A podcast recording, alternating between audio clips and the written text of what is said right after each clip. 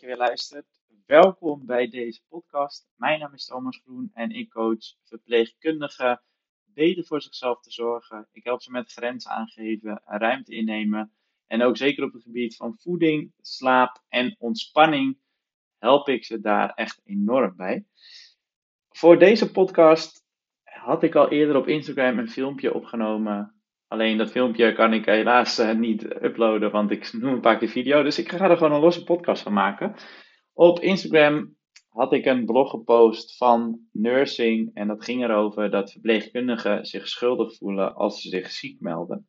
Waarop ik samen met Maaike, die ik eerder, um, waar ik een podcast mee heb, dat is de vorige, besloten we om wat vragen op mijn Instagram te stellen. En de eerste vraag daarin was: voel jij je schuldig als je je ziek meldt? En de uitslag daarvan vond ik best wel schokkend. Ik moet eerlijk zeggen, het verbaast me niet. Maar die uitslag was 90% ja. Dus 90% voelt zich schuldig als ze zich ziek melden. En 10% was nee. En de aantallen daarin waren 161 om 17. En vraag 2 was: wat is makkelijker? Tegen jezelf of tegen een collega zeggen om thuis te blijven als diegene zich niet lekker voelt? Nou, dit vind ik op zich niet heel schokkend, ehm, maar het is wel een belangrijke vraag en later zal ik nog even zeggen waarom. 98% stemt voor collega, dus vindt het makkelijker om tegen een collega te zeggen dat hij ziek moet thuisblijven. En 2% stemt op zelf. En die verdeling was, was 3 om 175. Dus 178 mensen gestemd, 90% op ja bij vraag 1 en 98% voor collega op vraag 2. En de volgende vraag was: waarom is dit zo? En dan ging het voornamelijk om de vraag: voel jij je schuldig als je je ziek meldt? Denk ik. En ik heb dus een aantal thema's heb ik daarin weten te onderscheiden. Nummertje 1 ja, is eigenlijk heel concreet en het is de kapstok waar dit alles onder valt. Beter voor een ander dan voor jezelf kunnen zorgen. Nou, die beide vragen die horen daar, uh, de resultaten, ja, die, die komen daar heel erg mee overeen. En de volgende twee punten zijn belastingcollega's en belastingbewoners of patiënten die lijken daar ook heel erg op. Want als jij je namelijk schuldig voelt als je je ziek meldt, dan ben je bang dat je je collega's daarmee belast en dat je je bewoners daarmee belast. Dus ja, dat vind ik niet zo gek als reden dan. Hè? Daarna was het thema verantwoordelijkheidsgevoel. En daar hangt onder of naast als ik me ziek meld, voel ik me schuldig. Want als er iets gebeurt, dan, ben, dan voel ik mij verantwoordelijk omdat het mogelijk niet was gebeurd als ik er wel was geweest. Dus mensen voelen zich verantwoordelijk dat ze er niet waren en dat ze dus ziek zijn. En dan voelen ze zich schuldig over. En de laatste is, ik ben bang voor een oordeel. En enerzijds begrijp ik dat, want puur kijkend naar verpleegkundigen aan zich. Ik heb, het, ik heb het hier heel vaak over, ook in eerdere podcast. Verpleegkundigen zijn heel erg zorgzaam en empathisch en zorgen daarom heel makkelijk voor anderen. En, maar verpleegkundigen zijn ook heel sterk en geven niet op. En uh, zetten met z'n allen hun schouders eronder. En dat zit in de verpleegkundige zelf en in de teams van verpleegkundigen. Dus dat houdt elkaar eigenlijk heel erg, heel erg in stand. En ja, als je bang bent voor een oordeel, dat je je ziek meldt, enerzijds snap ik dat. Maar als ik puur kijk naar die tweede vraag, wat is makkelijker tegen jezelf om tegen, of tegen een collega zeggen of, of tegen jezelf om thuis te blijven, sorry voor de hapering, dat 98% zegt collega's. Dus puur daarna kijkend, als 98% zegt: Ik vind het makkelijker om tegen een collega te zeggen: Blijf maar thuis. Puur daarna kijkend, zou je in principe niet bang hoeven te zijn voor een oordeel. Aan de andere kant, wat ik ook zie en hoor van heel veel verpleegkundigen, is dat ze heel erg streng zijn voor zichzelf. En wat dan, dat zorgt er eigenlijk voor dat, omdat ze zo streng zijn voor zichzelf, want ze voelen zich schuldig, 90% voelt zich schuldig als ze zich ziek melden, dan zijn ze heel streng voor zichzelf. En wat heel vaak gebeurt, is dat als je streng bent voor jezelf, dat je dat ook voor anderen bent. Dus daarna kijkend, snap ik het wel goed dat ze bang zijn voor een oordeel. En dat is dan waarschijnlijk projectie, omdat ze denken, als iemand zich ziek meldt, en dit is een aanname natuurlijk, dit is misschien weer een stukje van mijn projectie, maar dat ze denken, oh nou, ik meld me helemaal niet snel ziek, dus ja, misschien meldt Pietje zich wel om helemaal niks ziek. En dat is dan dus die strengheid. En als je zo denkt, zou het kunnen dat je bang bent voor een oordeel, omdat je zelf wel eens oordeelt over mensen.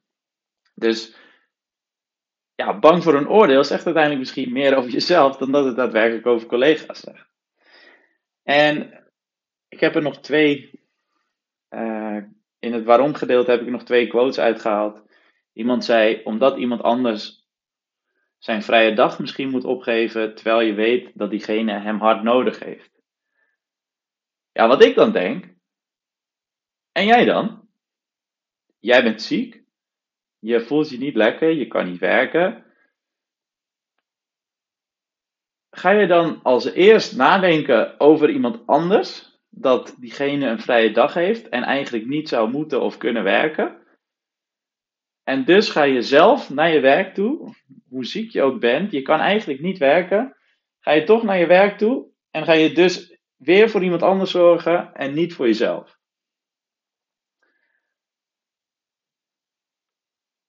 En ik hoop dat ik dit zo zeg, en ik zeg dit ook zo vaak omdat dit het grootste thema is, omdat ik je wil in laten zien dat je uiteindelijk beter voor jezelf mag zorgen en dat je vaak voor jezelf mag opkomen. Want zelfs als jij ziek bent en je kiest er natuurlijk niet voor om ziek te worden, dan nog, jij bent, laat ik het even anders zeggen, je bent verpleegkundige, je bent zorgverlener. Jij zorgt voor de zieke. Als jij zelf ziek bent, ga je alsnog eerst voor andere zieken zorgen.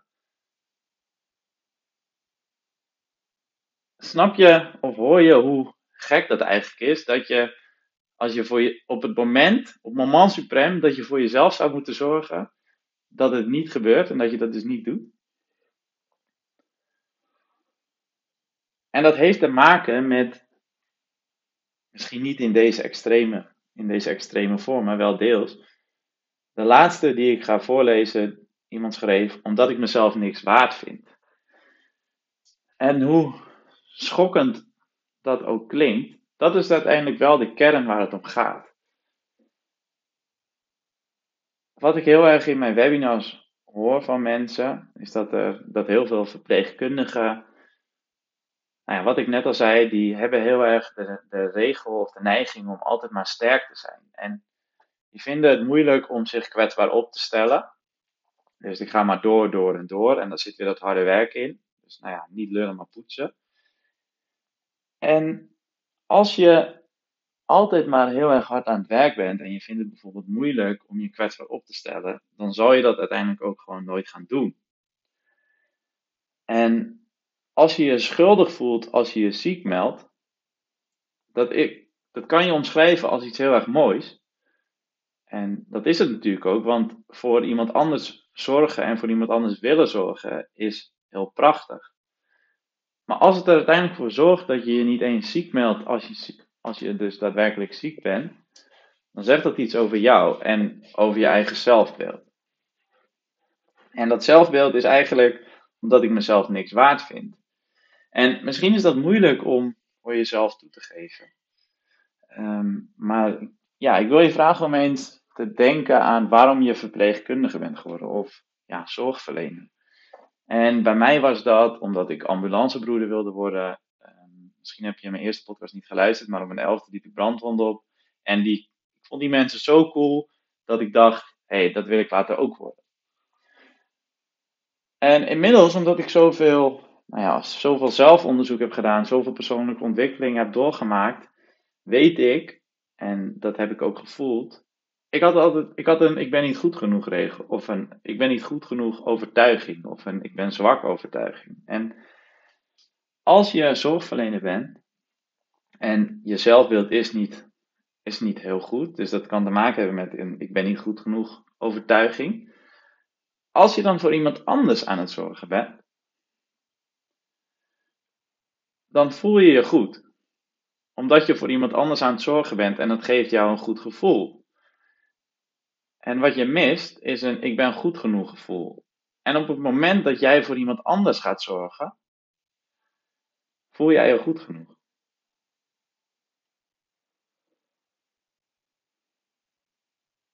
En ook hier weet ik dat dit heel confronterend kan zijn om te horen. Want er zijn natuurlijk ook nog een heleboel dingen. En dit is niet het enige, begrijp niet verkeerd. Je, je kan en mag zorgen voor anderen natuurlijk gewoon leuk vinden. Maar waarin ik je eigenlijk eens wil uitdagen, of wat ik aan je wil vragen is, ga eens na bij jezelf hoe je over jezelf denkt. En welke dingen je allemaal tegen jezelf zegt. En ik heb een aantal voorbeelden voor je. Ik zei er net al twee, ik ben niet goed genoeg, of ik ben zwak, of ik ben lelijk, of ik ben dik, ik mag er niet zijn. Het zijn allemaal negatieve overtuigingen die je waarschijnlijk over jezelf denkt, of wel eens tegen jezelf zegt. Heel confronterend allemaal. Maar als je beter voor jezelf wilt gaan zorgen, dan zijn dit de overtuigingen die je aan zal moeten gaan kijken. Want dit is uiteindelijk wat jou tegenhoudt om beter je grenzen aan te geven. Om je vaker uit te spreken.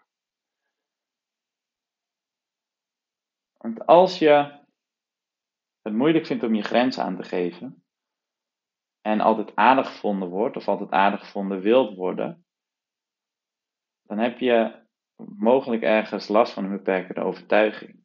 Want als je namelijk niet je grens aangeeft en met alle winden meewaait, dan vinden mensen je altijd aardig. En dan, omdat mensen jou aardig vinden, voel jij je weer goed genoeg. Dus nogmaals, ik wil je vragen en uitdagen om eens na te gaan denken over die overtuigingen. En laat het me dan gewoon weten, want daar ben ik heel erg benieuwd naar. En dat kan zoals altijd via Instagram. Je mag me een mail sturen, thomas.thomasgroen.nl. En weet dat ik heb ook beperkende overtuigingen. Altijd gehad. Ik heb nog steeds beperkende overtuigingen. En weet dat het oké is om die, om die te hebben. Want we hebben ze namelijk allemaal. En als je daar dan achter bent, en misschien zit er een tijd tussen voordat je mij een bericht gaat sturen, dat kan en dat mag, weet dan dat het dus oké is. En ik wil je vragen om daarin niet al te streng voor jezelf te zijn, want dat is dan waarschijnlijk weer je beperkende overtuiging en weer je negatieve zelfbeeld. Ik zou het tof vinden om iets van je te horen. Ook als je iets vindt van deze podcast, of van alle podcasts eigenlijk. En ja, dan spreek ik je graag de volgende keer en wil ik je heel erg bedanken voor het luisteren. Bedanken voor het luisteren.